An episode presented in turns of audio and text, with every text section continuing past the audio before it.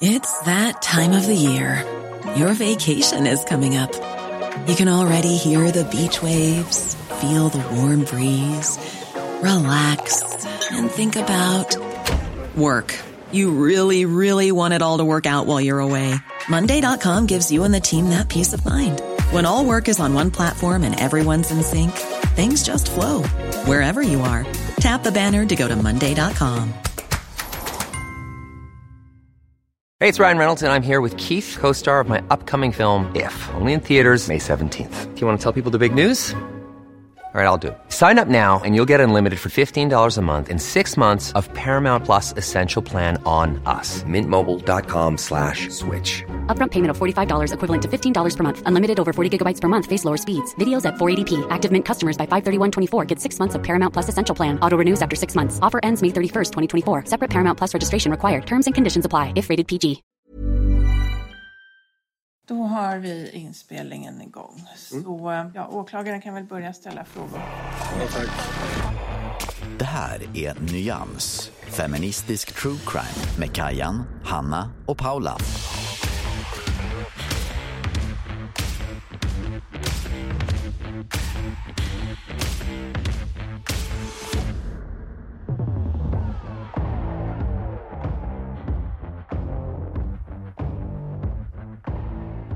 Och precis, det är dags igen. Jäklar vad vi köttar ur oss avsnitt nu, ni ska bara, bara veta.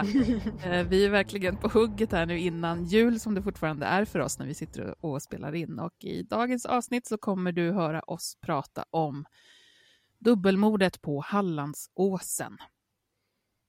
Hallå, hallå, Hallå? Tjena! lever vi? Ja, jag bara tänker det kommer kännas väldigt konstigt sen när inte vi spelar in hela tiden. Vad ska man göra då? Om kvällarna? Eh, Precis. Vila var väl tanken i alla fall med att vi inte ska spela in på ungefär en månad. Vila och sen med lite bättre framförhållning och så kunna börja planera nästa ja. fall som vi ska göra och se till att vi har alla handlingar och sådär så att vi inte behöver sitta tre dagar innan och komma på att shit, vi saknar domen. Ja, gud. Ja. Classic. Eh, Mm. Våra classic mistakes. Ja, jag den- om vi, om vi har kommit på rull med att rätta till dem än, men vi, vi ser dem i alla fall. Ja. Det är ett jäkla fix. Nej, men jag ser också fram emot att nu när ledigheten kommer, att, att kunna få ja, men lyssna på lite andra dokumentärer och lite annat true crime som inte bara är sånt som vi ska göra. Nu försöker jag Mm. lyssna på sånt ändå, läsa sånt ändå, men liksom kanske ännu mer. För det är ju lite skillnad när man känner att något inte är ett jobb också, alltså bara få Ja, göra men det för, för nöje höll jag på att säga, men ni fattar vad jag menar. Ja. Men vi ska, innan vi, det ens är tal om något eh, dopp i grytan eller någon julgran för våran del, så ska vi ta riva av detta avsnitt och vi eh, kör på en gång tycker jag, om inte ni har några invändningar. Yes. Kör. Nej, dra igång. Jajamän.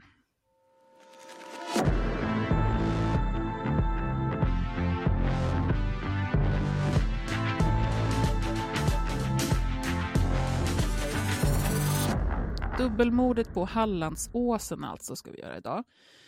Um, jag har, jag har gjort, den här gången är det en ganska så komprimerat händelseförlopp. Det finns som alltid en väldig massa mm, sidospår och detaljer och sånt, men eh, kanske för att jag är lite trött så har jag, jag har inte gått in på alla sådana här, så det blir lite um, i- ihopkokat. Så fyller vi på sen om det behövs. Ehm, vi har kollat på dom förstås som vanligt. Ehm, det här fallet är ett som har blivit väldigt uppmärksammat, så många som vi gör, så att det finns väldigt mycket artiklar och dylikt att ehm, läsa om det. Jag har också lyssnat på någon, något poddavsnitt som gör det här eh, fallet, men jag kan för mitt liv inte komma på vad det är för någonting. Eh, jag vet precis vilket fånigt mobilspel jag spelade medan jag lyssnade på det, men jag kom inte ihåg vilken podd det är. Så fort jag minns så kommer jag hojta till om det. De inblandade personerna som vi kommer prata om idag är framförallt fyra stycken. Vi har två stycken brottsoffer i den här eh, hemska historien och de omnämner vi med deras riktiga namn. Det är Emma Karlsson och det är Linda Jönsson. Sen så har vi två personer Eh, på den andra sidan då. Och som vi inte omnämner vid namn, utan som vi kommer kalla för 17-åringen och 18-åringen. Jag ska förklara lite kort bara varför. Ehm, dels så är det ju, eh, som ni hör, personer som är eh, minderåriga. Faktum är att även 18-åringen är 17 år vid tiden för den här händelsen som vi kommer prata om. Så det är två 17-åringar som, som det rör sig om. 18-åringen får heta just 18-åringen för att han eh, fyllde 18 år några månader eh, efter den här händelsen. Eh, så då kör vi igång. Det är tidig morgon, lördagen den 17 januari eh, 2004. Polisen har fått in en anmälan om en bil som är hittad krockad. Den står fullkomligt kvaddad i Östra Karup i Båstad kommun. Bilen har setts av flera personer som har reagerat på den.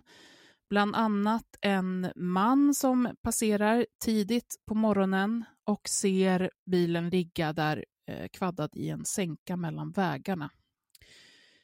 Han ser att det blinkar en lampa på en instrumentbrädan, men eh, ingen person syns, vare sig i eller eh, runt omkring bilen. Däremot så låg det en hel del kläder och annat bråte liksom, runt omkring bilen. Eh, någon av dörrarna står öppen, bagageluckan är också lite öppen. Och här, eh, den här personen då ser en mobiltelefon ligga i snön utanför. Han tycker att det, oavsett vad som har hänt, så ligger inte den så bra där i snön, så han eh, lägger in den i baksätet där eh, i den öppna bildörren.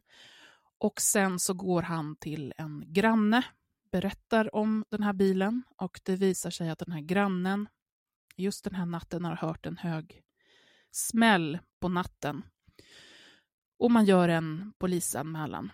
Det är som sagt flera personer som ser den här bilen. Två andra personer, ett par, kommer att stanna till Eh, tittar in i bilen de också, ser att den är tom. De ser också kläderna. De ser till exempel en ensam vante. De kollar in genom den här öppna dörren och då ser de mobilen som mannen eh, har skjutsat in där i bilen. Och eh, det här, de här personerna, eh, kvinnan i det här paret, eh, tar upp telefonen och eh, försöker hitta något nummer, liksom och kolla om man kan ringa till någon och hitta då det senast slagna numret. Det står namngett i, eh, som kontakt som eh, 17-åringens förnamn och sen Båsta. De försöker ringa på det här numret men får inget svar.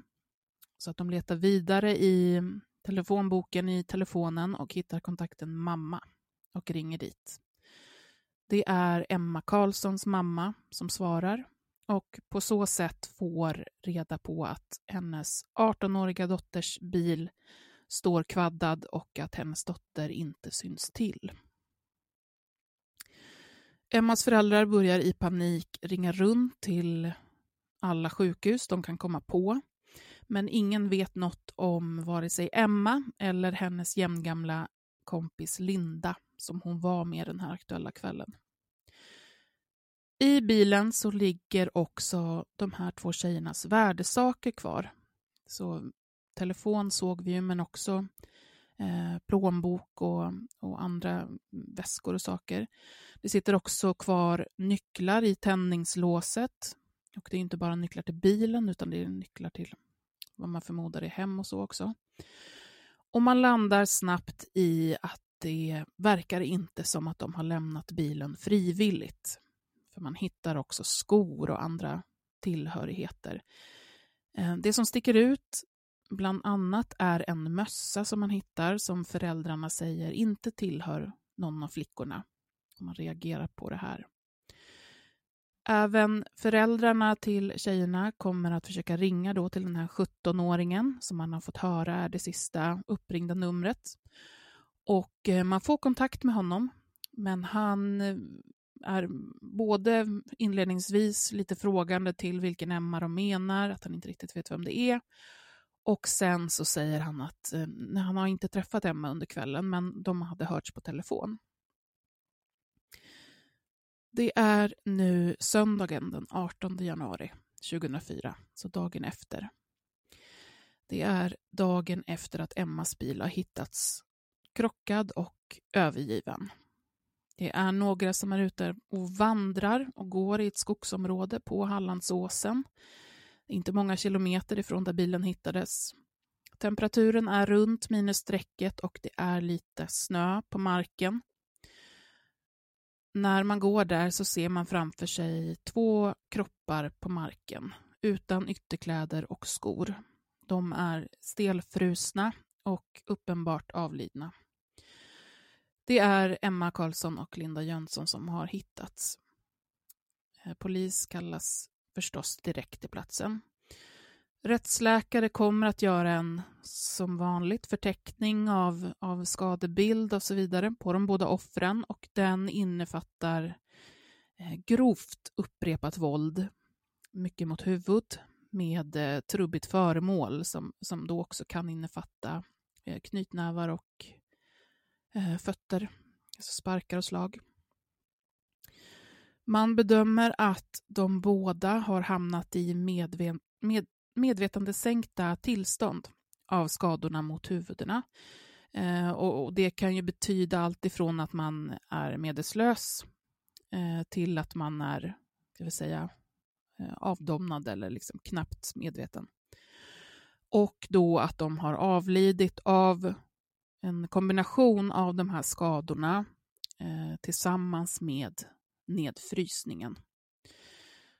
Skadorna menar man har tillfogats dem i samband med att de hamnade eh, på marken. Under förundersökningen så försöker man att kartlägga Emmas och Lindas rörelsemönster för fredagen den 16 januari. De skulle då tillsammans ta Emmas bil och åka till Varberg. De lämnar hemorten vid 22 på kvällen och en kort stund senare så stannar de till och tankar i Halmstad. De kommer inte att komma fram till Varberg, men de har kontakt med bland annat eh, en förälder på telefon så sent som vid ett på natten till lördagen. Eh, då verkar allt bra med tjejerna, men eh, de berättade inte var de var. Så det var inte information som man mm, kunde jobba med sen. Linda har även haft kontakt med en eh, kompis under kvällen. Kompisen visste att Emma och Linda planerade att komma till Varberg för en fest som de skulle ha på lördagskvällen. Och eh, tanken var att de skulle komma dit redan sent på fredagen. Men strax efter 22, Eh, det vill säga när föräldrarna uppger att de har startat, så ringer Linda och säger att de är på väg, men de måste tanka. 30 till 45 minuter senare så får kompisen höra av Linda då att Emma har vänt bilen för att köra mot Båstad. Kvart i ett ringer Linda igen till kompisen och då säger hon att det är för halt ute för att köra eh, så de kommer inte komma till Varberg på fredagskvällen utan de ska vända om och sova hemma och sen åka på lördagsmorgonen istället.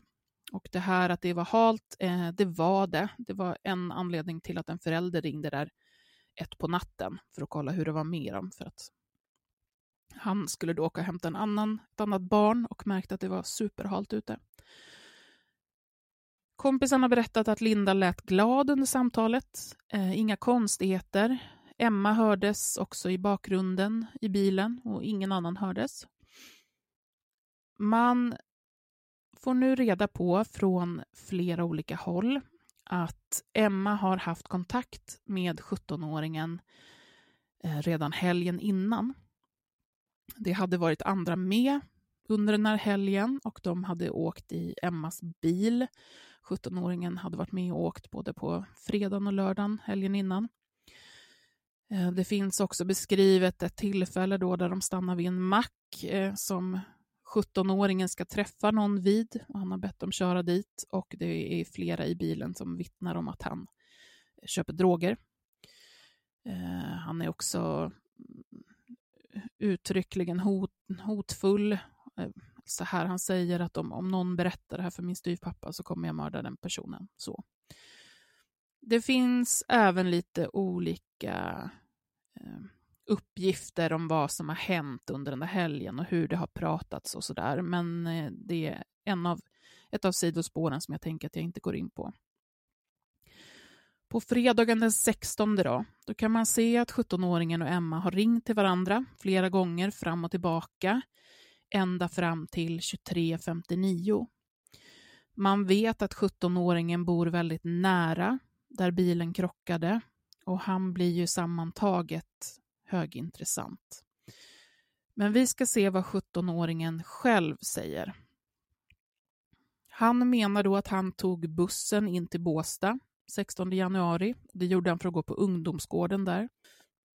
När han är på ungdomsgården så träffar han sin kompis, 18-åringen. Eh, de hade åkt, eh, tänkt åka in till Helsingborg, men det blev inte så. Istället åkte de hem till 17-åringen i Östra Karup. Där spelade de kort, de kollade på tv och de drack vodka. Eh, 17-åringen säger att han pratade med Emma lite fram och tillbaka på telefon under kvällen och att det mest handlade om, eh, om vad de gjorde. Han säger att Emma berättar att hon var på väg till Varberg men att hon skulle komma till Båsta om det visade sig bli tråkigt i Varberg. Vid midnatt så eh, berättar 17-åringen att han får väldigt ont i magen så han går eh, och lägger sig. Efter en stund så kommer 18-åringen, det vill säga hans kompis, in till honom och säger att han måste åka iväg en sväng för han ska hjälpa sin bror med något. Eh, 17-åringen säger att jag gör det, men eh, gå försiktigt så att du inte väcker, eh, väcker min familj eller min pappa.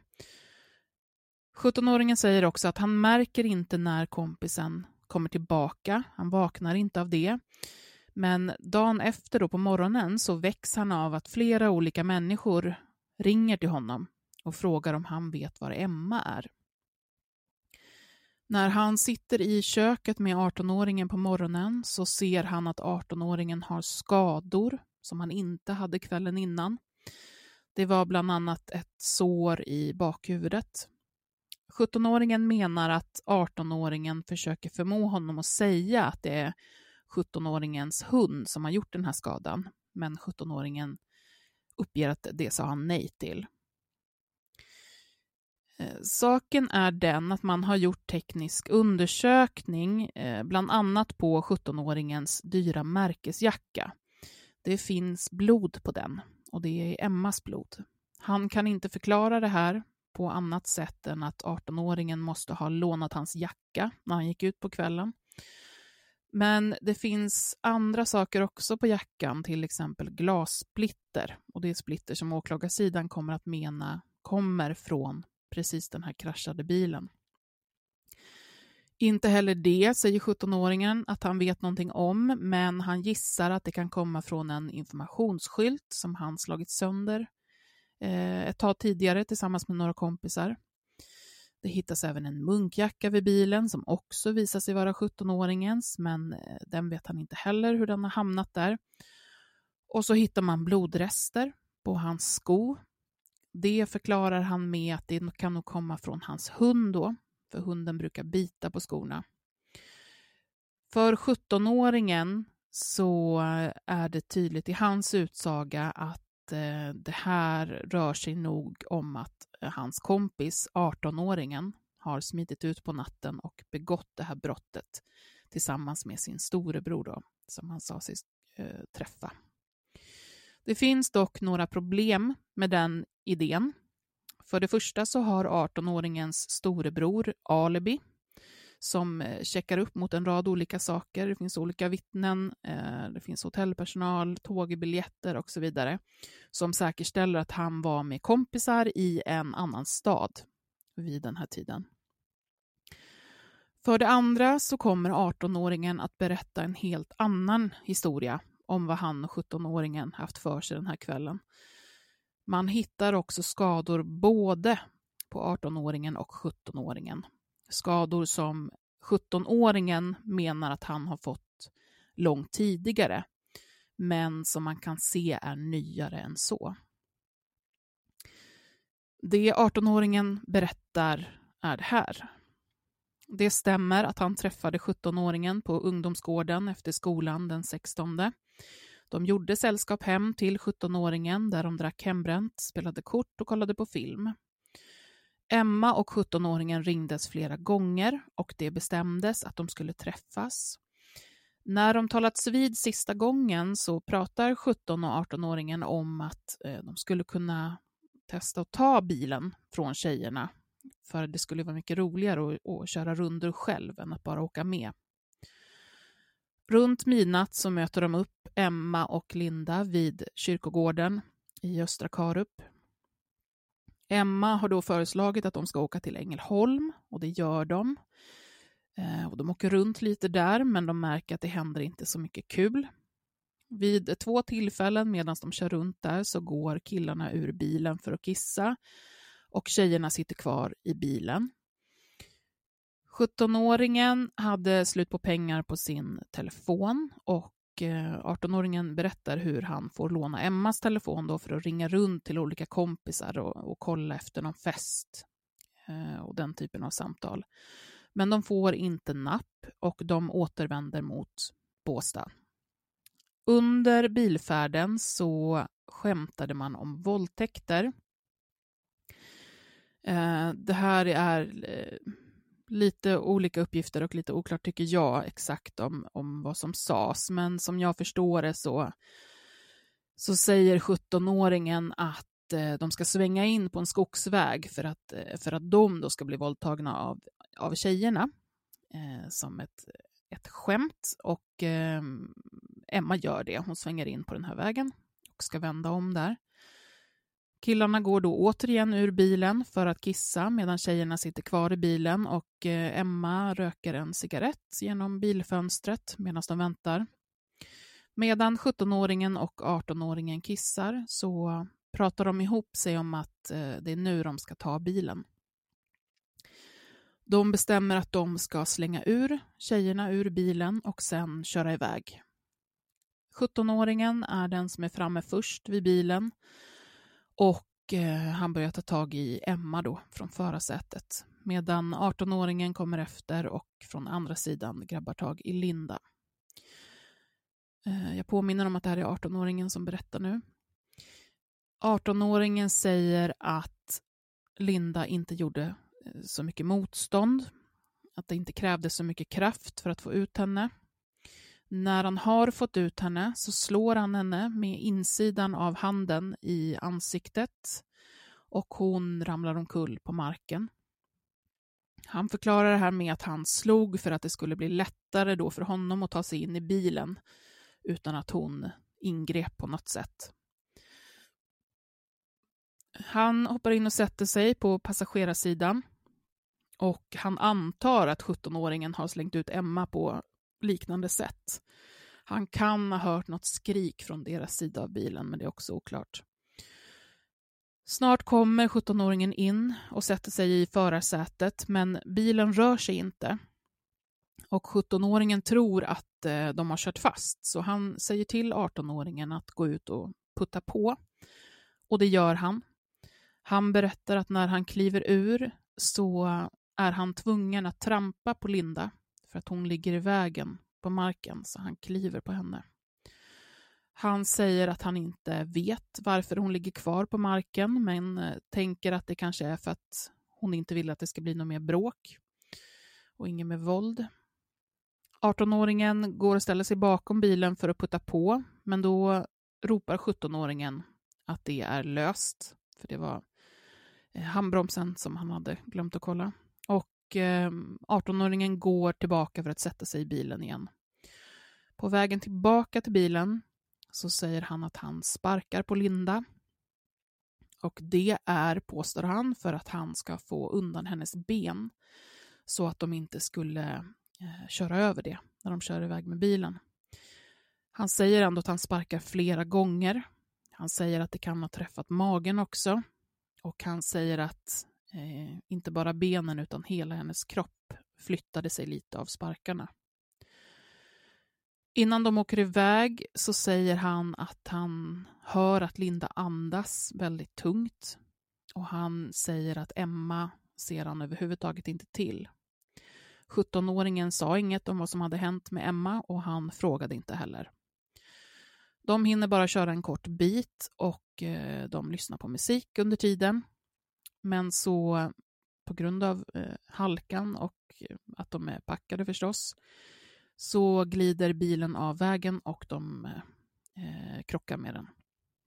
De blir omtumlade, eh, de får lite ont på sina ställen, i ett ben till exempel. Men de finner sig ganska så snabbt och tar sina jackor från baksätet där de hade lagt dem och eh, haltar därifrån.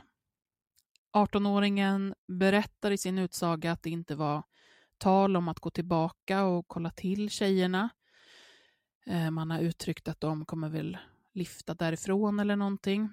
Och eh, han säger i förhör att han inte ens tänkte på hur de mådde. Han tyckte också att det var väldigt kallt ute, så han var eh, bara osugen på att gå tillbaka. Det är nu som 17-åringen gör någonting som blir också eh, problematiskt för honom att förklara i efterhand sen. Han kommer att neka till det. Eh, 17-åringen ringer till deras gemensamma kompis som alltså är tillsammans med 18-åringens storebror då i en annan stad och de bor på hotell och sådär. 17-åringen ringer till honom och ber om alibi för eh, just den här tidpunkten. Han säger då att de har brutit sig in i några lastbilar och ber kompisarna täcka upp. Och eh, det kommer de också göra, men, men bara tills de inser vad det är som faktiskt har hänt. Och då kommer i alla fall framförallt en av dem att, att berätta om det här samtalet.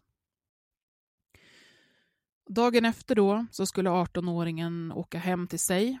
Och eftersom hans jacka, eh, säger han, hade fått gräsfläckar från krocken så lägger han den i en påse och bär påsen och så går han i bara tröjan eh, trots att det är väldigt kallt ute. Det här är något som andra vittnen också kommer att se och reagera på. Eh, samma sak med att man ser att han har eh, vissa skador. 17-åringen och 18-åringen pratar om att de skulle ha bränt bilen, bränt ut den för att göra sig av med bevis. Så om tjejerna skulle peka ut dem så skulle det stå ord mot ord. Det finns en hel del eh, vittnesutsagor här. Det är ganska många personer som, eh, som figurerar och eh, också annan bevisning. Det är telefonmaster och olika fibrer från bilen och sånt som hittar på hittas på olika ställen på de här två killarnas kläder. Men jag tänker att vi kan ta upp det sen om det känns eh, relevant och annars så får du ta över nu, Hanna.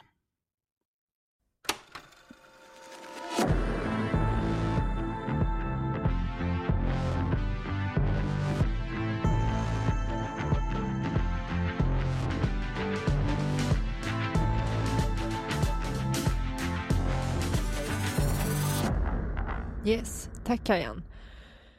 17-åringen och 18-åringen blir såklart åtalade för det här och de åtalas i första hand för mord och i andra hand för grov misshandel och vållande till annans död.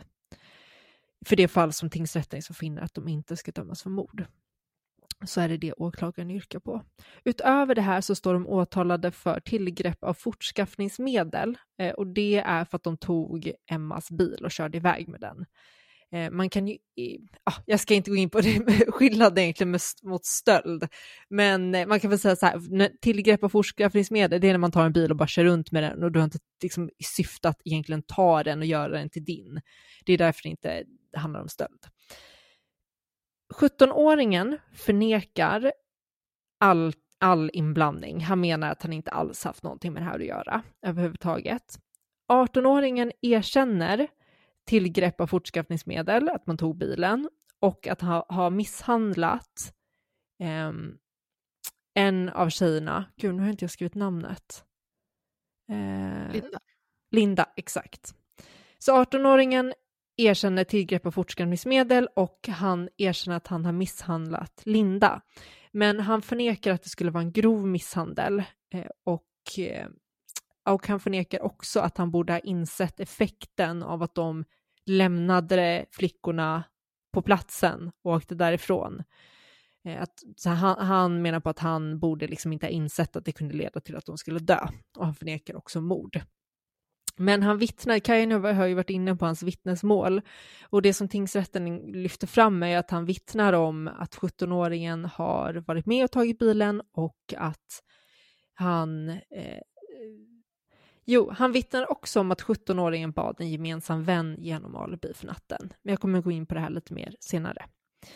Vi har väldigt mycket bevisning i det här målet egentligen och det bygger på en lång rad vittnesmål eh, från eh, kamrater, en rättsmedicinsk undersökning, en kvaddad bil, fynd som har gjorts i bilen och som knyter eh, 17-18-åringen till platsen och mera. Men det första som tingsrätten gör är att konstatera hur flickorna dog och att det framgår i den här rättsmedicinska undersökningen att det var fysiska skador i kombination med nedkylning. Sen den andra frågan som tingsrätten ställer sig är om 17-18-åringen har varit på platsen med flickorna. Och det blir väldigt tydligt, de kan ju definitivt svara ja på den frågan nästan direkt. Och det baseras på det 18-åringen vittnar om och att hans vittnesmål får stöd av så mycket annan bevisning. Så det är inte bara det, utan, och där har vi exempelvis den här jackan som, som Kajan pratade om, där det fanns blod och glassplitter på.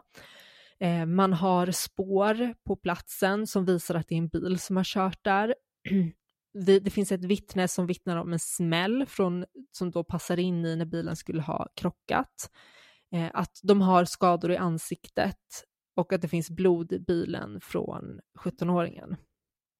Så att man menar på att det, det är klarlagt att de båda har varit på platsen tillsammans med flickorna på så sätt som, som 18-åringen vittnar om eh, och att de sedan tagit bilen och eh, krockat den. Och då blir ju nästa fråga vem som vad, eller liksom vad som orsakade att de dog. Och då menar jag inte liksom den, den eh, medicinska orsaken, utan vad ledde till den orsaken. Och den här rättsmedicinska undersökningen visar ju att de har utsatts för ett omfattande våld eh, och sen att de har fått de här köldskadorna. Så att det tingsrätten säger att det är motbevisat. Det 18-åringen hävdar ju att han skulle ha slagit Linda i ansiktet en gång och sen klivit på henne och gett några sparkar. Men tingsrätten menar på att det här med att han bara skulle ha slagit henne i ansiktet en gång är motbevisat på grund av att det var så mycket skador. Eh, eh och då menar de också att det, det har inte gått till på det sättet som 18 säger, just att med det våldet som har utövats, det måste ha varit mycket mer omfattande än vad han medger. Um, och sen så från, från vittnesmålet så framgår det att tanken var ju att de skulle ta, enligt 18-åringen så skulle de ta varsin, alltså eh, 18-åringen skulle ta Linda och dra ut henne i bilen och göra sig av med henne och sen skulle 17-åringen ta eh, Emma. Och 18-åringen vittnar ju om att han inte ser vad som händer med Emma, men tingsrätten i princip utgår från att ja, men det betyder att det var eh, 17-åringen som misshandlade, misshandlade Emma. Och eh, de, tingsrätten säger också att det måste, de måste ha förstått att, att eh, tjejerna inte skulle lämna bilen frivilligt. Um, och att de, därför att de har, hand, och att de då har handlat med, det, det, det, eller nu, nu blir jag lite rörig, förlåt. Av den här rättsmedicinska undersökningen framgår det också att tjejerna inte hade avvärjningsskador. Eh, så då, och det visar på att de inte har hunnit freda sig utan att det har gått ganska fort och det menar tingsrätten visar på att de har eh, 17-18-åringen har handlat med beslutsamhet efter det att de gjorde upp sinsemellan om vem skulle, som skulle ta vem och att det de har eh, ja, men, tagit i i princip. Och att det var planerat vilken av flickorna de skulle ta. Sen konstaterar tingsrätten att det är ställt bortom rimligt tvivel att det är 17-18-åringen som misshandlar flickorna så grovt och sedan lämnar dem på platsen och att det är, där, och det, är det då som har orsakat deras död. Tingsrätten säger att de har handlat med avsikt, gemensamt och i samförstånd. Man tar också upp det faktum att de 17-18-åringen har stannat kvar på platsen tillräckligt länge för att hinna se att så här, då flickorna ställer sig inte upp utan att de ligger kvar. Eh, och att de inte har ytterkläder och skor och att de då måste ha insett risken för att de skulle avlida till följd av det här. Eh, och de säger också att eh, de, de har varit helt likgiltiga inför den här risken. Och det här förstärks ytterligare av att 17-18-åringen dagen efter inte upplyser om vad som har hänt när de tillfrågas. Det menar man på att visa på den här ytterligare liksom på den här likgiltigheten. De döms därför båda två för mord på båda flickorna. Och bara för att förtydliga, man menar att de har agerat gemensamt och i samförstånd, vilket betyder att de båda döms för de båda morden. Så att det är inte så att 18-åringen döms för mordet på Linda och 17-åringen för mordet på Emma, utan de döms för två mord vardera. Eh, och sen döms de också för att ha tagit bilen. Får jag bryta in med lite Ja. grejer? Eh, som jag kom på att jag inte sa heller. Eh, två saker. En sak som är lite intressant är att de, eh, tingsrätten menar ju då att när 18-åringen säger att han ser ju överhuvudtaget inte Emma och vet ingenting om vad som har Mm. hänt med henne. Eh, men tingsrätten menar att det här när han går bakom bilen och står där så har han sett henne. Det finns ingen möjlighet Mm. att han inte kan ha sett henne på marken. Eh, så, så det finns, och det kan man ju bra komma ihåg, liksom, att det finns eh, flera saker som man tycker att eh, han pratar inte sanning här. Nej. Och, och den andra var att också så man förstår hur grovt det här våldet är så, så i, i vart fall Emma, eh, hade hon fått det här våldet eh, alltså inomhus och till och med kanske fått vård direkt så hade det inte hjälpt utan hon hade avlidit ändå Mm. för att det var så pass kraftigt. Mm. Det var bara det. Ja, det var fullständigt fruktansvärt. Ehm. Och det här, de döms ju för det här. Och för när det är, när man har mm, två mord, ger, det är praxis på att det är livstidsfängelse. Om du dödar två personer så får du livstidsfängelse, finns det praxis på. Men det är för en vuxen person. Och nu får vi komma ihåg att det här är ett bra tag sedan och idag så ser det annorlunda ut.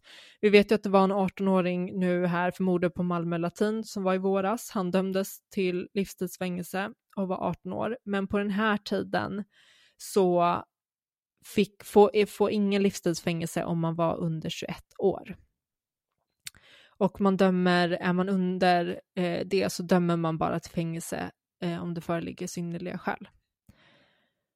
Um, och de, de var ju 17 år när de utförde gärningen, men den killen som vi kallar 18-åringen, han ju bli 18 år när domen föll.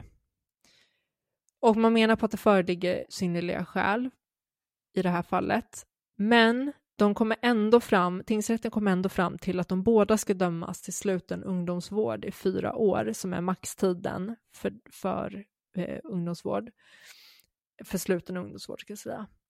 Och man tar bland annat upp barnkonventionen här och säger att, man, att, att barnkonventionen säger att man inte får frihetsberöva någon under 18 år annat än som sista utväg. Eh, och stöder sig bland annat på det som skäl till att ge dem ungdomsvård istället för fängelse. Och man säger också att trots att 18-åringen då har fyllt 18 år så ska man ändå behandla Eh, killarna likvärdigt som om de vore lika gamla och det menar man på är för att 18-åringen lider av en psykisk störning. Det är inte en allvarlig psykisk störning så som i lagens mening.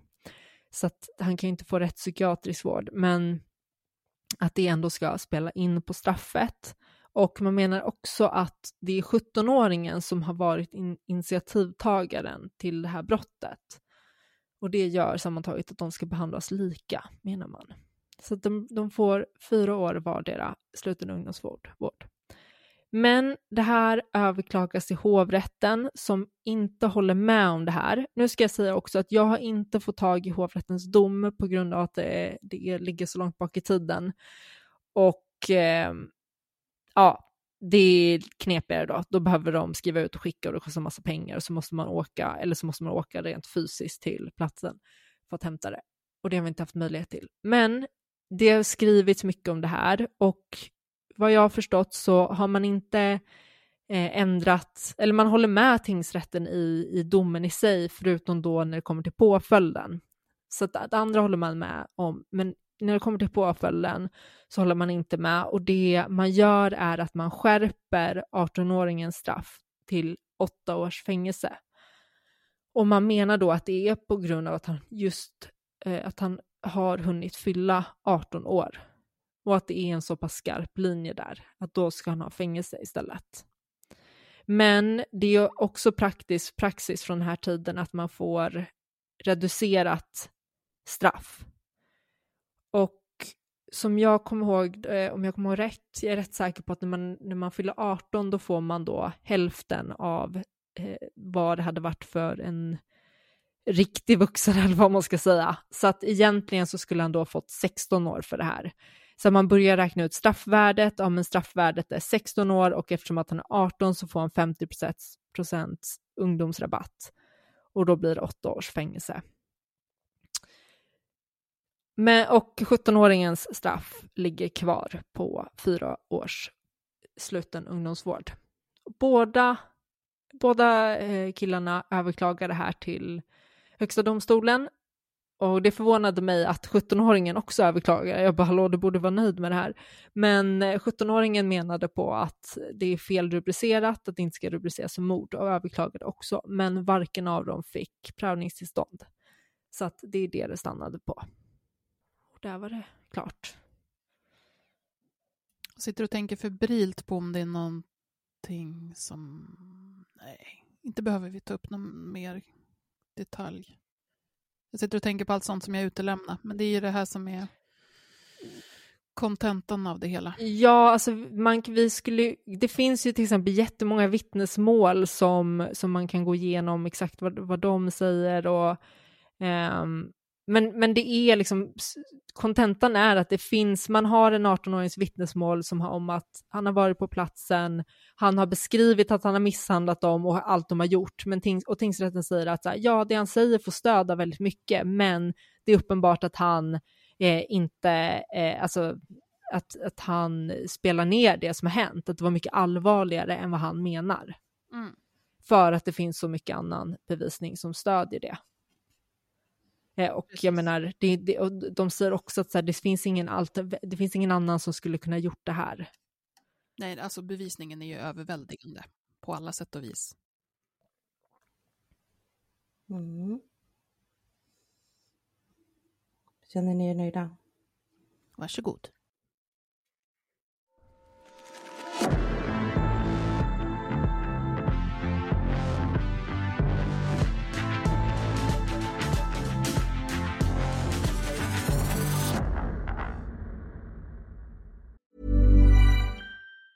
Hey, it's Ryan Reynolds, and I'm here with Keith, co star of my upcoming film, If, only in theaters, May 17th. Do you want to tell people the big news?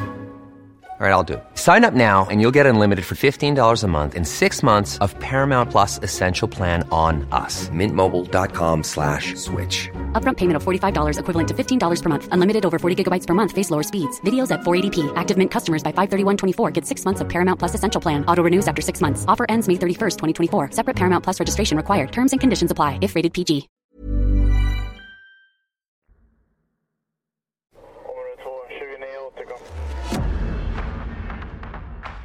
Nyans, feministisk true crime med Kajan, Hanna och Paula.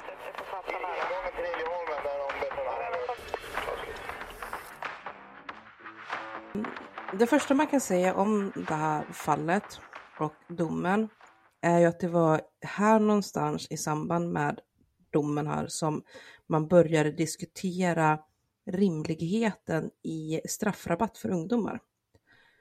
Sen som vi vet så tog det ju, Eh, jag tror det var 15 år eller sådär, eh, av debatt innan man startar en utredning. Och det var ju först framme här där vi befinner oss nu, i nutid då som man också beslutade att slopa straffrabatten för eh, de som var 18 till 21. Och så vi tog upp i tidavtalet så eh, vill man ju nu utreda också möjligheten att slopa straffrabatt för de som är mellan 15 och 18. Vilket då i praktiken skulle innebära att man vill liksom kunna komma åt i till exempel en sån här typ av fall då, att döma även 15-åringar till livstidsfängelse. Det vill väl SD? Precis. Ja. Jag bara utgår från att de vill det.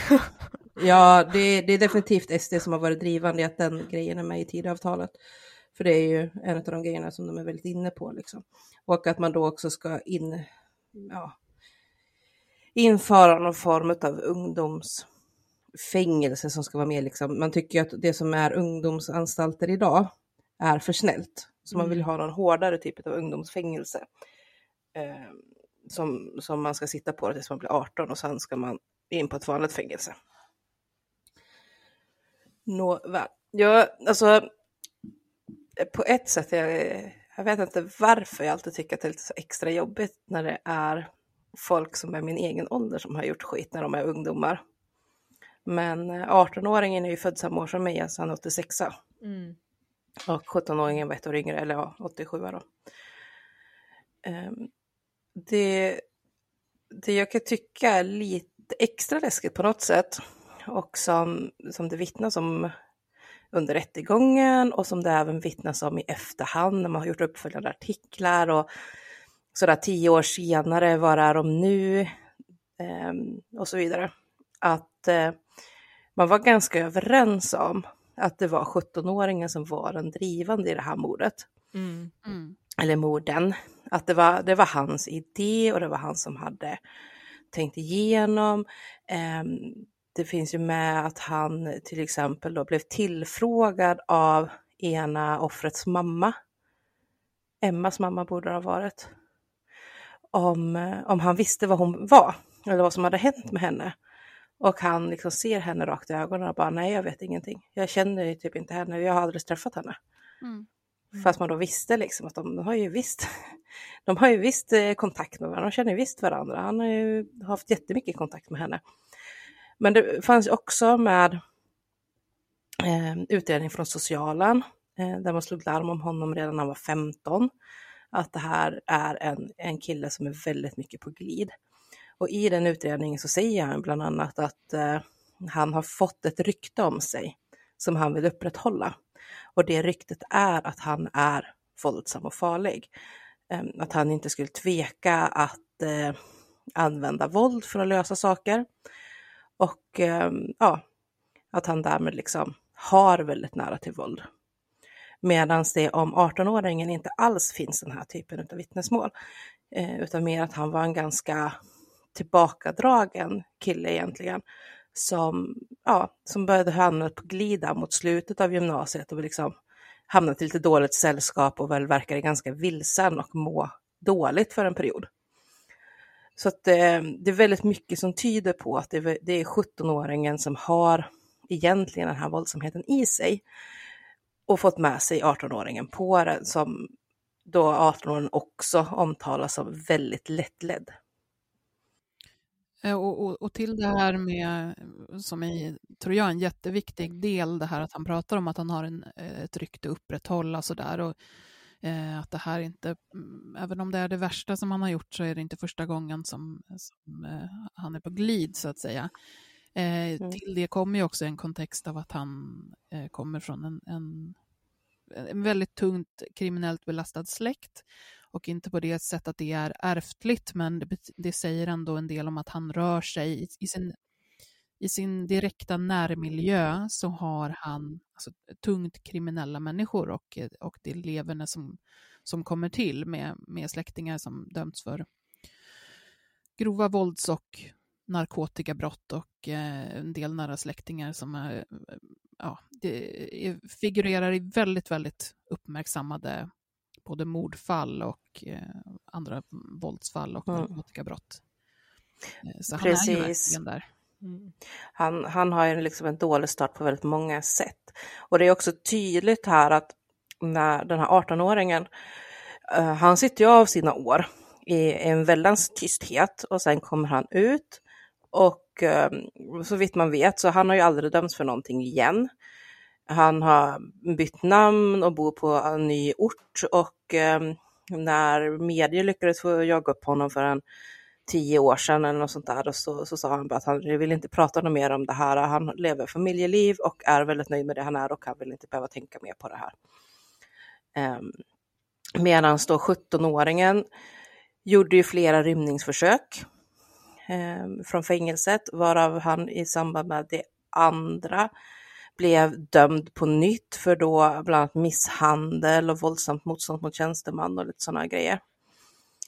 Um, han kom ut och sen åkte han in igen för misshandel som han då, apropå den här släkten, uh, utförde ihop med en, en äldre kusin som hade suttit inne för mordförsök på en invandrare som han attackerade med kniv utan någon som helst orsak ett antal år tidigare.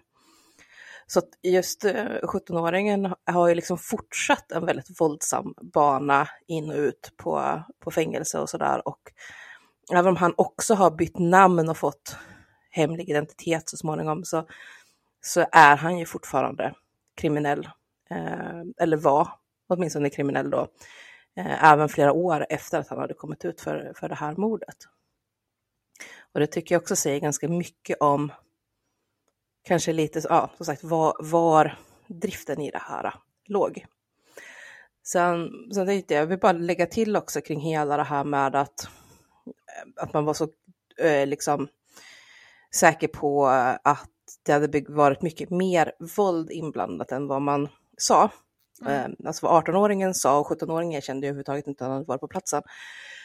Men, men det var ju också det här att man i undersökningen då över varför flickorna inte hade tagit sig från platsen eller försökt ta sig från platsen så gjorde man ju bedömningen senare, det kom med i, i domen då, att de hade ju båda varit så hjärnskadade ifrån misshandeln att de helt enkelt saknade förmågan att röra sig ifrån platsen. Och det är ingenting man får utav en örfil, den typen av hjärnskador. Så att det, det är alltså inte så att man chansat på att de hade lite för mycket blåmärken eller någonting, utan de var så pass verkligen svårt skadade att de inte kunde ta sig därifrån. Och då håller inte storyn med en örfil och spark på benen. Nej. Helt grovt, enkelt. Grovt våld. Ja. Så att det, det är ju någonting mer inblandat liksom i hur, vad det var 17-åringen var ute efter, men också vad 18-åringen drogs med i, kan man ju säga. Mm. Mm. Jag vet, jag läste någon, när jag satt och kollade lite grann hur diskussionen hade gått och sådär, så var det en, en artikel, den var låst, jag kunde bara läsa ingressen och sådär, och då var det någon som hade skrivit det att alla mord är ju onödiga och hemska på sitt sätt. Men det här mordet måste ju vara ett av de absolut mest onödiga som har hänt. Ja. Och jag kan också känna lite liknande. att Vi har ju varit inne på det tidigare, men som med Englas mördare och sådana grejer, så att många mördare de försöker ju hitta någon form av argument till varför det är rimligt att de har ihjäl någon. Mm. Mm. Um, man skyller på att hon skulle lämna eller hon hade varit otrogen eller någon mopsade sig och så vidare och så vidare. Men, men här att de verkligen liksom inte hade någonting. Att det blir som på något sätt att även omgivningen på något sätt faller lite i den där fällan att, att vilja ursäkta lite granna genom att hitta de här argumenten till Mm. varför de har agerat. Men i det här fallet så var det verkligen så att det, det är inget rimligt argument att säga jag slog ihjäl henne för hon lät mig inte sno bilen. Det är få som köper det som liksom ett giltigt skäl till våld till- överhuvudtaget. Och till och med eftersom man liksom inte kan se avvärjningsskador, så jag slog ihjäl henne för att jag tyckte det var roligare att köra bilen själv än att åka med. Nej men precis, alltså det... Hade, hade det funnits avvärjningsskador så hade de ju kanske kunnat kört någonting på det att vi ville köra bilen själv men de sa nej så då försökte vi stjäla den och då började de slåss med oss och vi slog tillbaka och så råkade det urarta. och det hade nog folk, alltså inte ursäktat eller tyckt varit okej, men ändå kunnat köpt som någon form av förståelig händelseutveckling hur fel man än tycker att den är. Mm.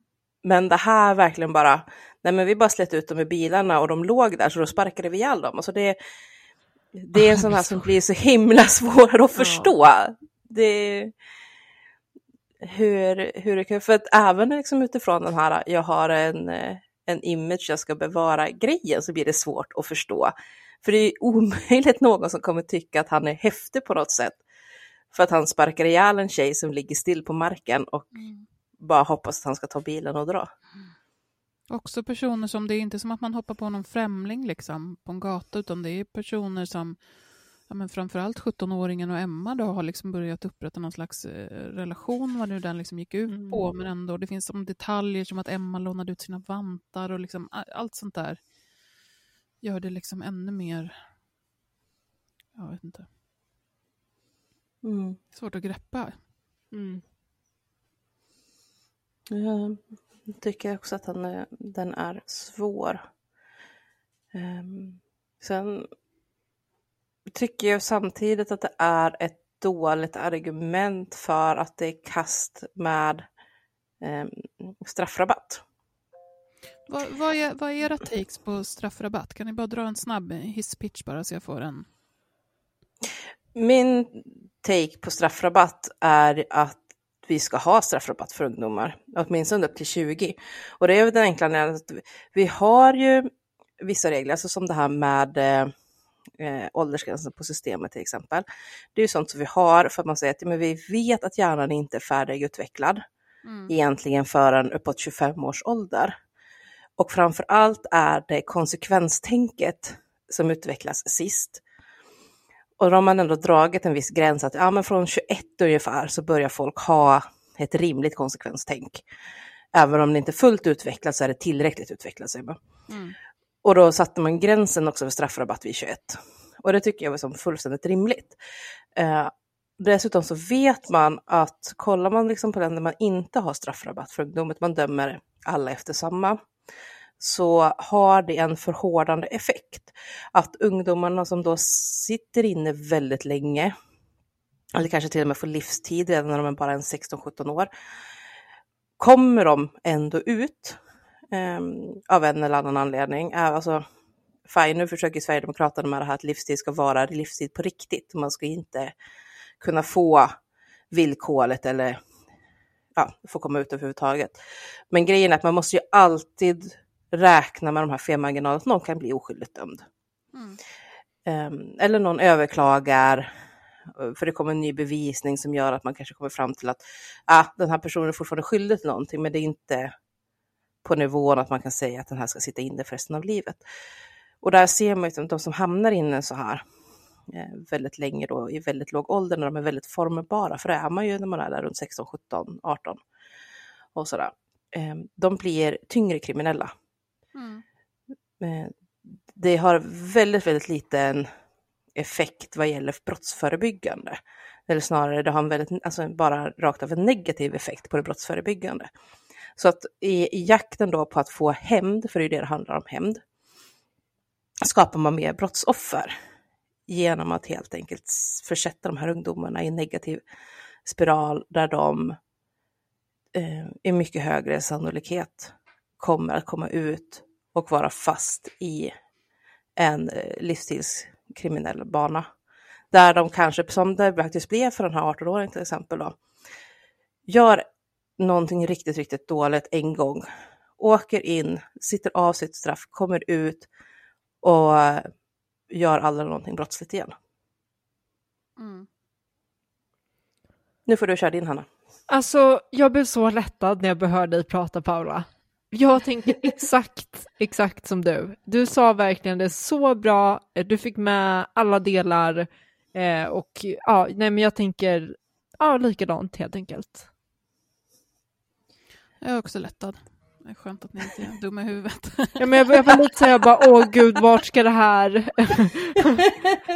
men eh, ja, För jag menar, man blir, så här, i feministiska kretsar så har det blivit väldigt tydligt att folk är för, oftare nu för tiden tycker jag, för strängare straff, att man ska straffa mer lägre åldrar och så vidare. Så man blir lite så här, man, bara, man kan inte längre ta för givet att folk Nej.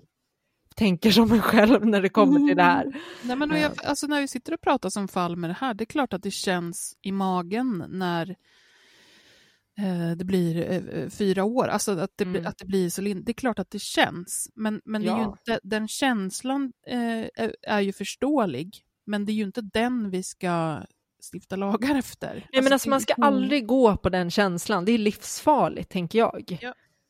Eh, utan gå när det inte känns i magen och sen, då kan man tänka klart. Ja, och så precis, och lugna sig från det där och sen så titta på, okej, vad, är, vad är det vi vet? Vad, vad, vad säger forskningen? Vad visar statistiken?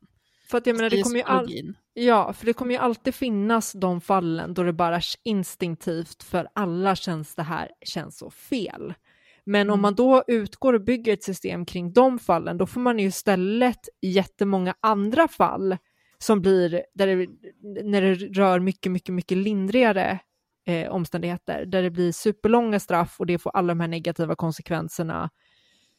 Ehm, Och det blir den här onda spiralen som Paula pratade om. Eh, Så det, är liksom, det får man ju ta in också. Ja, och ont i magen och magkänslor och känslor, det, det är inte fast nog underlag för att bygga lagar på. Amen. Eh, därför att vi, så mycket som vi nu kommer känna något eh, kring ett fall eller kring en fråga så finns det andra personer som känner den raka motsatsen. Eh, och, och ska vi sitta och förespråka att vi ska gå på våran känsla just bara för att det är en känsla så är det lika mycket ett argument för att de, de ska förespråka sin, sin känsla då, för, det, Mm. för raka motsatsen. Så det, Mm. vi måste ju bygga det på någonting som är fastare än så och någonting som gäller för alla och då är, då är det statistiskt underlag och eh, Mm. psykologin och experterna och forskningen som, som är. Mm. Alltså jag har ju suttit och tittat på en massa sådana dokumentärer om fängelser i andra länder. Jag vet att jag nämnt det tidigare någon gång, den här till exempel på Netflix, eh, inifrån världens värsta fängelser. Ja, den är så bra. Den är så bra. Um, sen, sen, alltså, det, det är väl från kanske tredje säsongen som de vill gå ifrån lite kring det där med att det bara ska vara värsta fängelser som i att det är riktigt, riktigt jävla vidriga fängelser att bli inlåst på. Till, till att det ska vara fängelserna då där de värsta förbrytarna sitter. Mm. För ja, fängelserna i Norge vet vi är inte de värsta fängelserna ur rent plåga skiten ur internerna synpunkt. Nej. Och de är ju där också och filmar. Men, men det jag tänker är liksom är, alltså, återkommande i flera länder och i flera fängelser som de filmar på. Där det kommer till just den här grejen när man behandlar barn och unga som att de är vuxna och därmed inte har straffrabatter om man slänger in och sådär på, på anstalt. Det är ju att man ser att den här typen av rekrytering som man pratar om nu, att vi ska stoppa rekryteringen till gängen, Mm. de sker på fängelset. Mm. För att även om eh, de här ungdomarna får hårda straff, väldigt hårda straff och sådär, så får de ju oftast ändå inte fullt lika hårda straff som gängledaren som sitter inne på livstid efter sitt tionde mord eller liknande. Nej. Vilket gör att man räknar med att de har en möjlighet i, i de flesta fallen då att de kommer komma ut.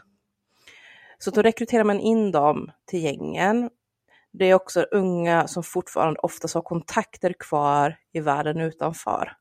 Som kan utnyttjas då för att sköta droghandel inifrån fängelser. Och sen när de här unga väl kommer ut, ja då är de så insyltade i de här gängen att de vet ju att det sitter pris på deras huvuden om de försöker lämna gängen så fort de lämnar fängelset. Mm. Och så är det som bäddat för den här kriminella banan. Men jag tänker ju också på sådana här fall som Kalif Bauder till exempel, som det också finns dokumentär, en dokumentärserie om i fyra delar kanske på Netflix. Ehm, som då var en eh, ung kille i, i USA som anklagades för att han skulle ha stulit en ryggsäck med en, bland annat en dator i. Och eh, han blir då inlåst på Rikers Island. Nu tror, jag, tror man har lagt ner Rikers Island efter all kritik som har varit, men det var då eh, ett extremt ökänt fängelse i USA för att det var så mycket, mycket våld som förekom på det här fängelset. Och det bröts mot reglerna och interner var sönderslagna eller mördade på fängelset och sådär. Och där blev han inlåst i en av deras ungdomsbaracker, men det betyder ju fortfarande att han var tvungen att vara bland vuxna rätt ofta, alltså vuxna interner också. Um, och de ha, hade i alla fall då i New York ungefär som vi har i Sverige idag, att det här med häktning har inte någon bortre gräns. Man säger att det ska ske skyndsamt och det sa man där också. Och man hade en regel på att det ska gå max tre månader och sen ska man kunna få sitt fall prövat. Bara att det finns ett litet kryphål i det där och det är att eh, om då staten säger att de inte är redo att gå till domstol ännu, ja då, har man, då räknar man det som att man får sitt fall prövat. Staten säger att vi kan inte ta det här till domstol nu. Och då eh, börjar de där tre månaderna om. Mm. Så eh, Khalif sitter ju inne i flera år utan att få en rättegång. Och när han till sist får eh, en, en rättegång blir mer eller mindre framtvingad för att det ligger så mycket backlog att eh, åklagarmyndigheten går in och säger bara att nu måste ni beta av en del av de här straffen. Ja, men då blir han ju frigiven direkt för att det finns inga som helst bevis för att han ska ha gjort den här grejen. Ehm, det finns liksom inte ens indicier att han skulle ha gjort den här grejen. Det, det är bara att polisen har plockat första bästa svarta kille som typ stämde in på signalementet och sen sytt in honom för det. Och, och det är ju också sådana effekt som blir när man börjar liksom tycka, alltså han var ju 17 när han blev inlåst. Mm. 16 eller 17. Och det, och det är så här, alltså man tittar på honom som en vuxen. Och i USA har ju den här liksom grejen att man tittar på ett fall och så säger man typ, är det här fallet är så pass allvarligt så du ska bedömas som vuxen. Även om det är en typ nioåring så kan man säga att den här nioåringen ska dömas som en vuxen. Men alltså man får ju en väldigt, väldigt hård syn på barn och på unga som, som inte är rimlig i förhållande till vad barn och unga faktiskt klarar av. Mm. Det, äh, min generella inställning är ju lite grann, ska man se på den här, de här två 17-åringar som de ändå var när brotten begicks, som, som fullvärdiga vuxna, ja men då ska man ju ha samma rättigheter också som fullvärdiga vuxna. Man kan inte bara ha skyldigheterna av vuxna, mm. men inte rättigheterna av det. Så att ska vi nu sänka då och säga att nej, men från 15 så ska man kunna döma som, då ska man ha samma straff som att man var vuxen. Ja, då borde vi också rimligtvis sänka så att både det här med myndighetsålder, att kunna ta körkort, gå på systemet, allt sånt borde också då hamna på 15. För då har vi sagt att från 15 då har man tillräckligt bra konsekvenstänk för att agera som en vuxen och då ska man behandlas som en vuxen mm. och då ska det gälla alla avseenden. Mm. Jag såg att du viftade Anna. Nej men jag tänkte bara att man borde få rösta då också. Ja. mm. Nej men jag håller med. mm. Ja, men det, så vitt jag vet så driver man bara idén om att man är fullvärdig vuxen i avseendet att man ska kunna straffas som en vuxen, inte att man ska få samma rättigheter och i övrigt bli behandlad som en vuxen, vilket jag tycker är ganska mycket dubbelmoral.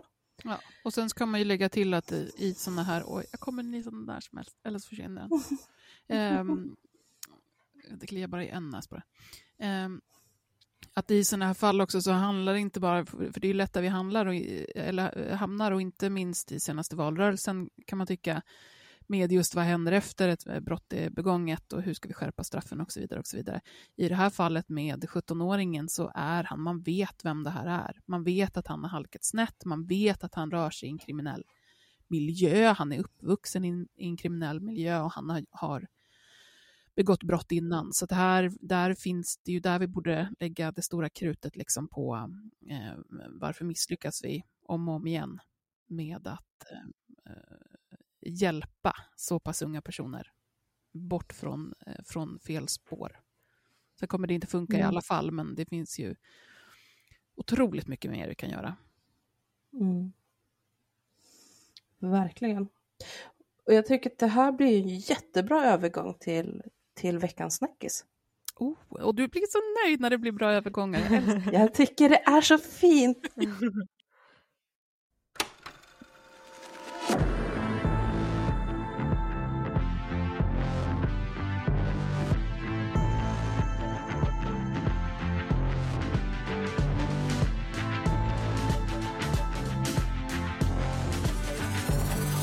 Då får jag nästan känna mig lite sådär radioprataraktig liksom när man går från det ena till det andra och bara Och apropå det här, eller nej, det är mer såhär, ni, vet du det, sådana här amerikanska morning shows. Och med tanke på väderleken så ska vi nu prata om små hundar i väskor. Eller något sånt. Ja. Um, men veckans snackis så tänkte jag att vi ska prata om fallet som nu är högaktuellt. Det har inte varit eh, rättegång ännu men åtal har väckts mot en polis eh, för då eh, fall av misshandel och tjänstefel. Eh, sen om det blir att man kommer räkna det här som grov misshandel, misshandel av normalgraden eller ringa misshandel vet vi inte. Det kommer vi märka. Vad det landar på, jag tror att man åtalar för alltihopa bara för att täcka upp. Mm. Sen får vi se vad det blir. Vad, vad domstolen kommer gå på så småningom. Men det som har hänt är att i somras, tid, tidigt i somras får man väl säga, så var tre stycken 15-åriga pojkar eh, ute på stan i Stockholm, centralt i Stockholm. Ehm, de hade varit och ätit asiatisk buffé tillsammans. Fått tillstånd från sina föräldrar att åka in och göra detta då en av dem precis hade fyllt 15 år och man skulle då fira detta. Ehm, på vägen ifrån den här restaurangen så kollar de busstiderna och ser att de är försenade och måste skynda sig om de inte ska missa bussen som de behöver ta hem för att komma hem i tid till den ehm, ja, eh, sista tiden som föräldrarna hade satt att de behövde vara hemma. Så att de börjar springa mot bussen. Och medan de springer då mot den här busshållplatsen så är en bil som plötsligt kör upp bredvid dem. Och två män hoppar ut. Eh, En annan bil stannar också till sen och ytterligare två män hoppar ut. Eh, Och de här männen hugger tag i de här tre killarna. En av pojkarna blir hårt knäd i magen så att han faller ihop på eh, eh backen. Ehm, pojkarna uppger också att en av de andra pojkarna ska bli sparkad i magen så att han flög bakåt och landade hårt på rumpan liksom.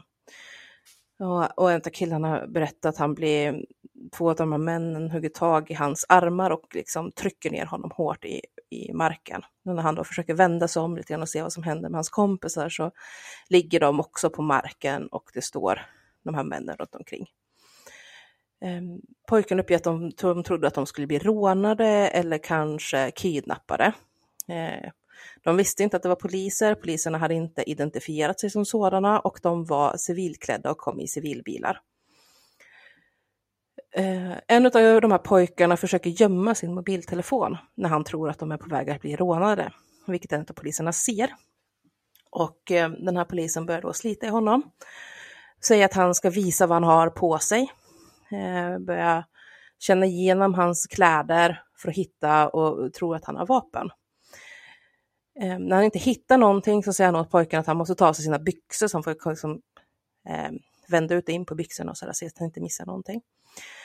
Så pojken gör det. När han har tagit av sig byxorna och de inte hittar någonting så säger polisen då att han ska ta av sig också då sin, sin hoodie och t-shirt. Och då gör han det med. Eh, och de hittar fortfarande ingenting.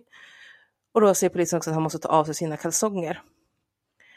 Eh, och pojken uppger också att den här killen då som nu står naken mitt på gatan bland en massa människor blir uppmanad att också sära på skinkorna samt lyfta på pungen för att polisen ska kunna se att han inte gömmer något vapen.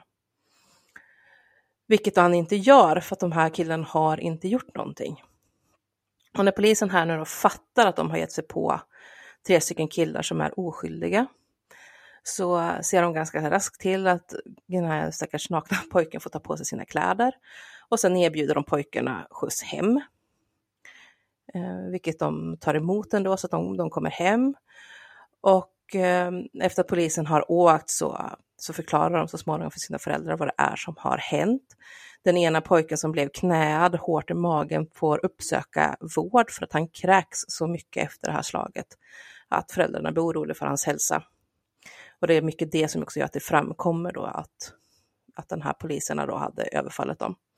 Och det här gör att föräldrarna då anmäler polisen för tjänstefel eller för den här händelsen. Och nu har då som sagt eh, åtal väckts mot den ena polisen, för man har lyckats göra bedömningen att det är samma polis som knäar den ena pojken som också tvingar den andra pojken att klä sig naken. Och eh, man kan inte hitta belägg för eller bevisa att de tre andra närvarande poliserna har sett vad den här fjärde polisen gör, vilket gör att man bara kan väcka åtal mot den här enda enskilda polisen. Måste ju fan se när pojken står helt naken på gatan.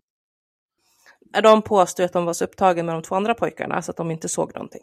vilket skitsnack. Ja, det är 100% skitsnack rakt igenom, men det går inte att bevisa att de har sett vad som har hänt och de här tre traumatiserade pojkarna klarar inte heller av att bevisa att de andra har förstått vad som händer. Så att det, det är vad det är liksom. Det, men den här ena polisen blir i alla fall åtalad då. Eh, pojken har uppgett efterhand att eh, en av dem har tydligt tappat eh, alltså droppar i skolresultat, han kan inte koncentrera sig, han drabbats återkommande av panikångestattacker. En av de andra pojkarna har blivit mycket, alltså fått väldigt försvagat immunförsvar på grund av att han sover väldigt lite.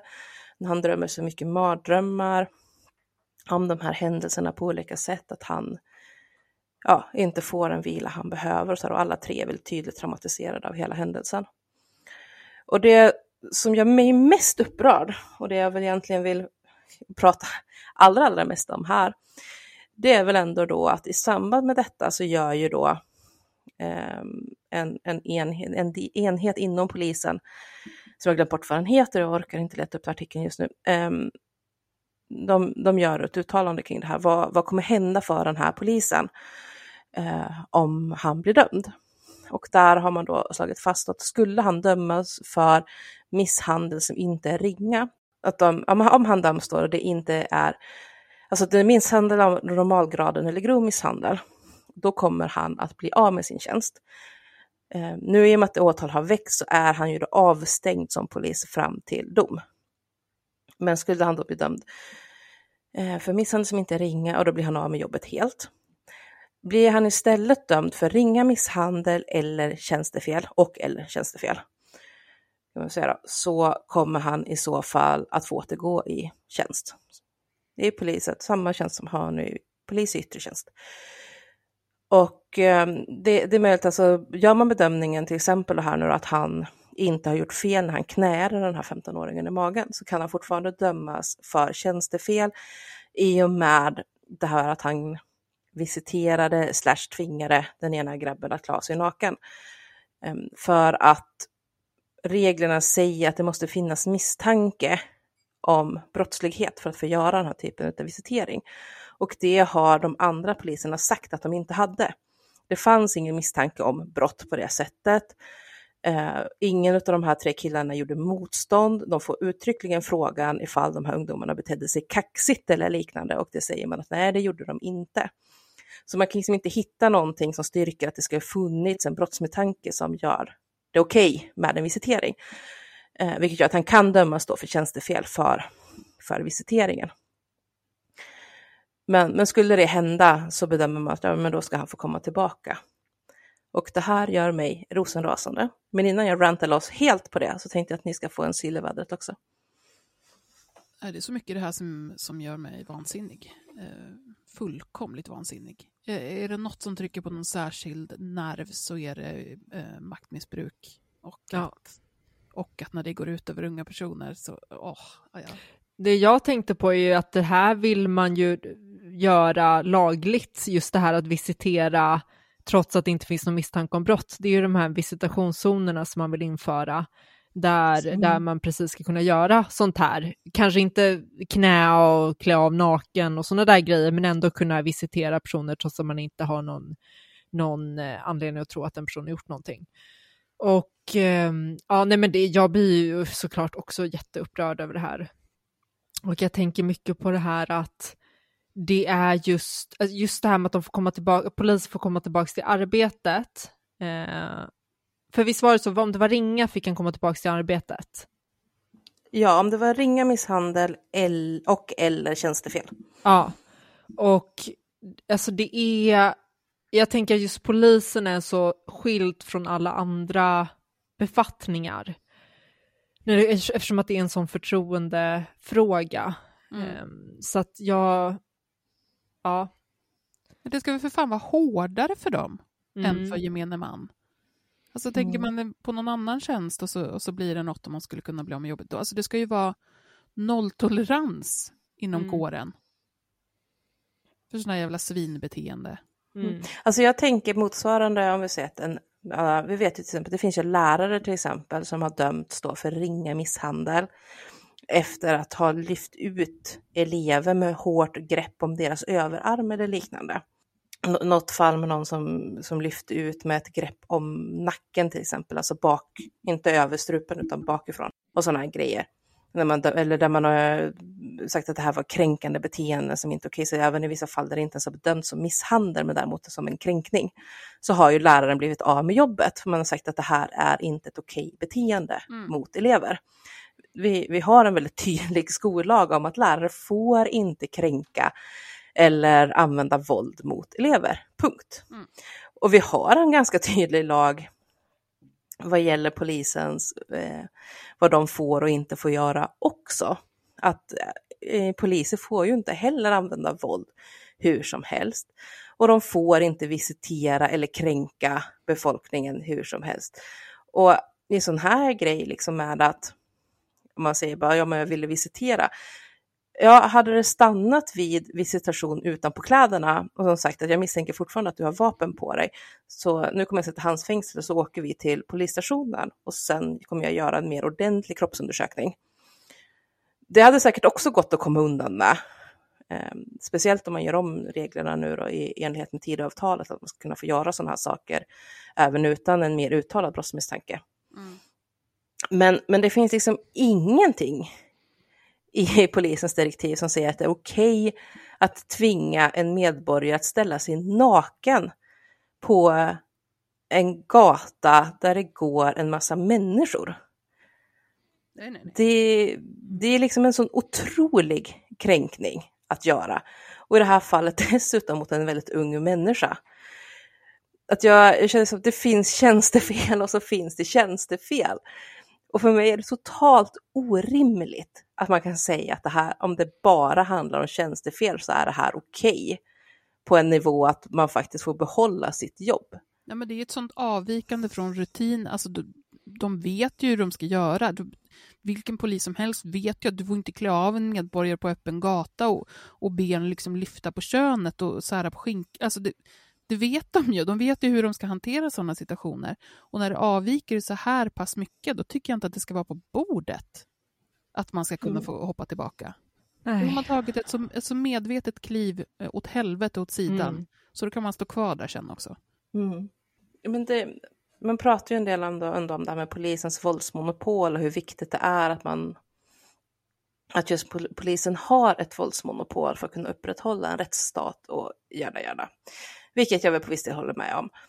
Samtidigt som sådana här gånger att det, att det blir problematiskt.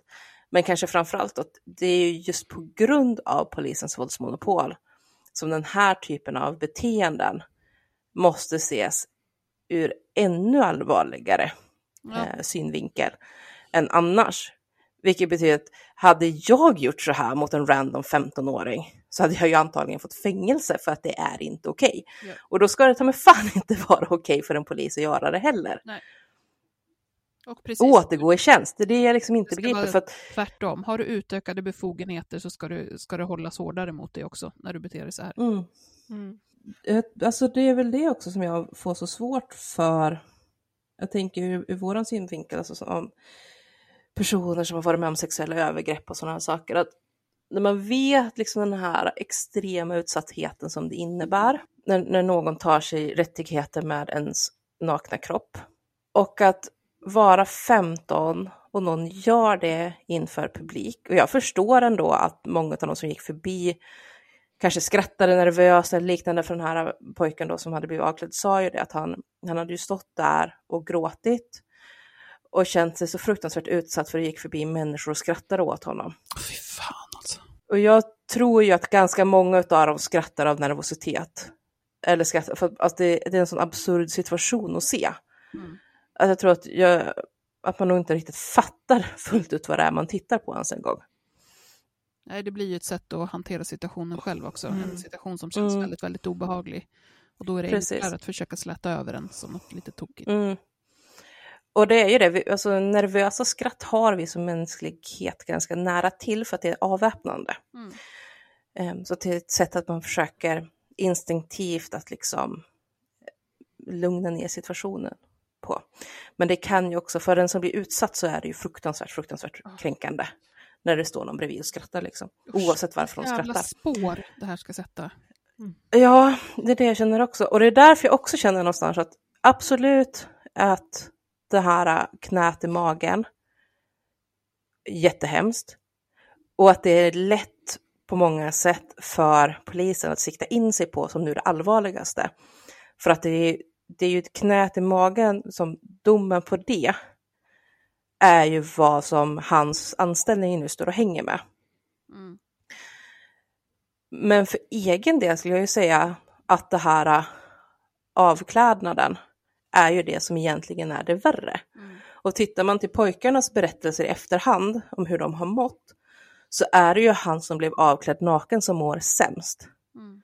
Det är han som har de tydligaste traumasymptomen. Det är han som får de här panikångestattackerna i skolan, som tappar i skolresultat nu, som kommer få väldigt stora konsekvenser av den här händelsen.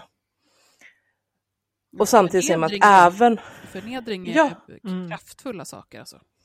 ja men det är ju det, och då är det, blir det ännu liksom på något sätt salt i såren att särskilda utredningar går ut och säger så att nej men om han bara döms för det här tjänstefelet som den här avklädningen innebar, då, då kommer inte vi göra någonting, då är han välkommen tillbaka.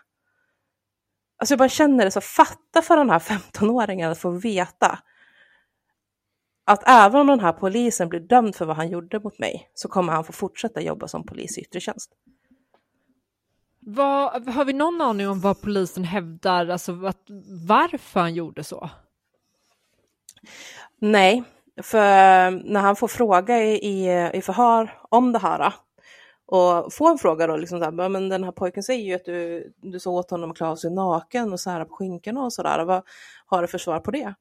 Är då hans svar bara så här, ja, om han säger att det har hänt så har det väl hänt. Åh, oh, vilket äckel. Så obehagligt. Fy fan. Ja. Jag känner att vi kommer behöva återkomma till uppfölja på det här Mm. fallet för att det, Ja. man blir så fruktansvärt förbannad så jag måste veta hur det här Ja, slutar. här får vi följa upp på olika sätt. Ja, om jag kommer ihåg rätt nu så kommer huvudförhandlingarna då för det här att hållas i mitten på februari, tror jag det var. Så det blir först nästa år, men eh, men jag, jag kommer inte kunna sova ordentligt om inte vi... Om Om inte vi följer upp det här. så man kan gå på det eller om det kommer vara Ja, det hade varit intressant. Hade det varit det hade jag gärna velat komma dit och ge Ja. lite kärlek till de här stackars pojkarna. Ja, det skulle man kunna kolla upp. Mm, Ja, det får vi göra. vi får återkomma till det. Fy fan. Mm. Ja, nu ska vi försöka liksom avsluta med någonting som är lite peppigt. Då. Nej, men ni kommer ju höra oss igen nästa vecka, men vi kommer inte höra varandra eller känna att vi pratar med er förrän nästa år, Mm. eh, vilket är sjukt. Idag är det 6 december och vi är mitt inne i jullängtan, men det där är ju ni över för länge sedan. Ni är ju inne på så här, nu startar vi upp det nya året. Men vi, vi kommer ikapp er snart och så ses vi där på andra sidan. Yes. Eh, och tills Precis. På andra sidan.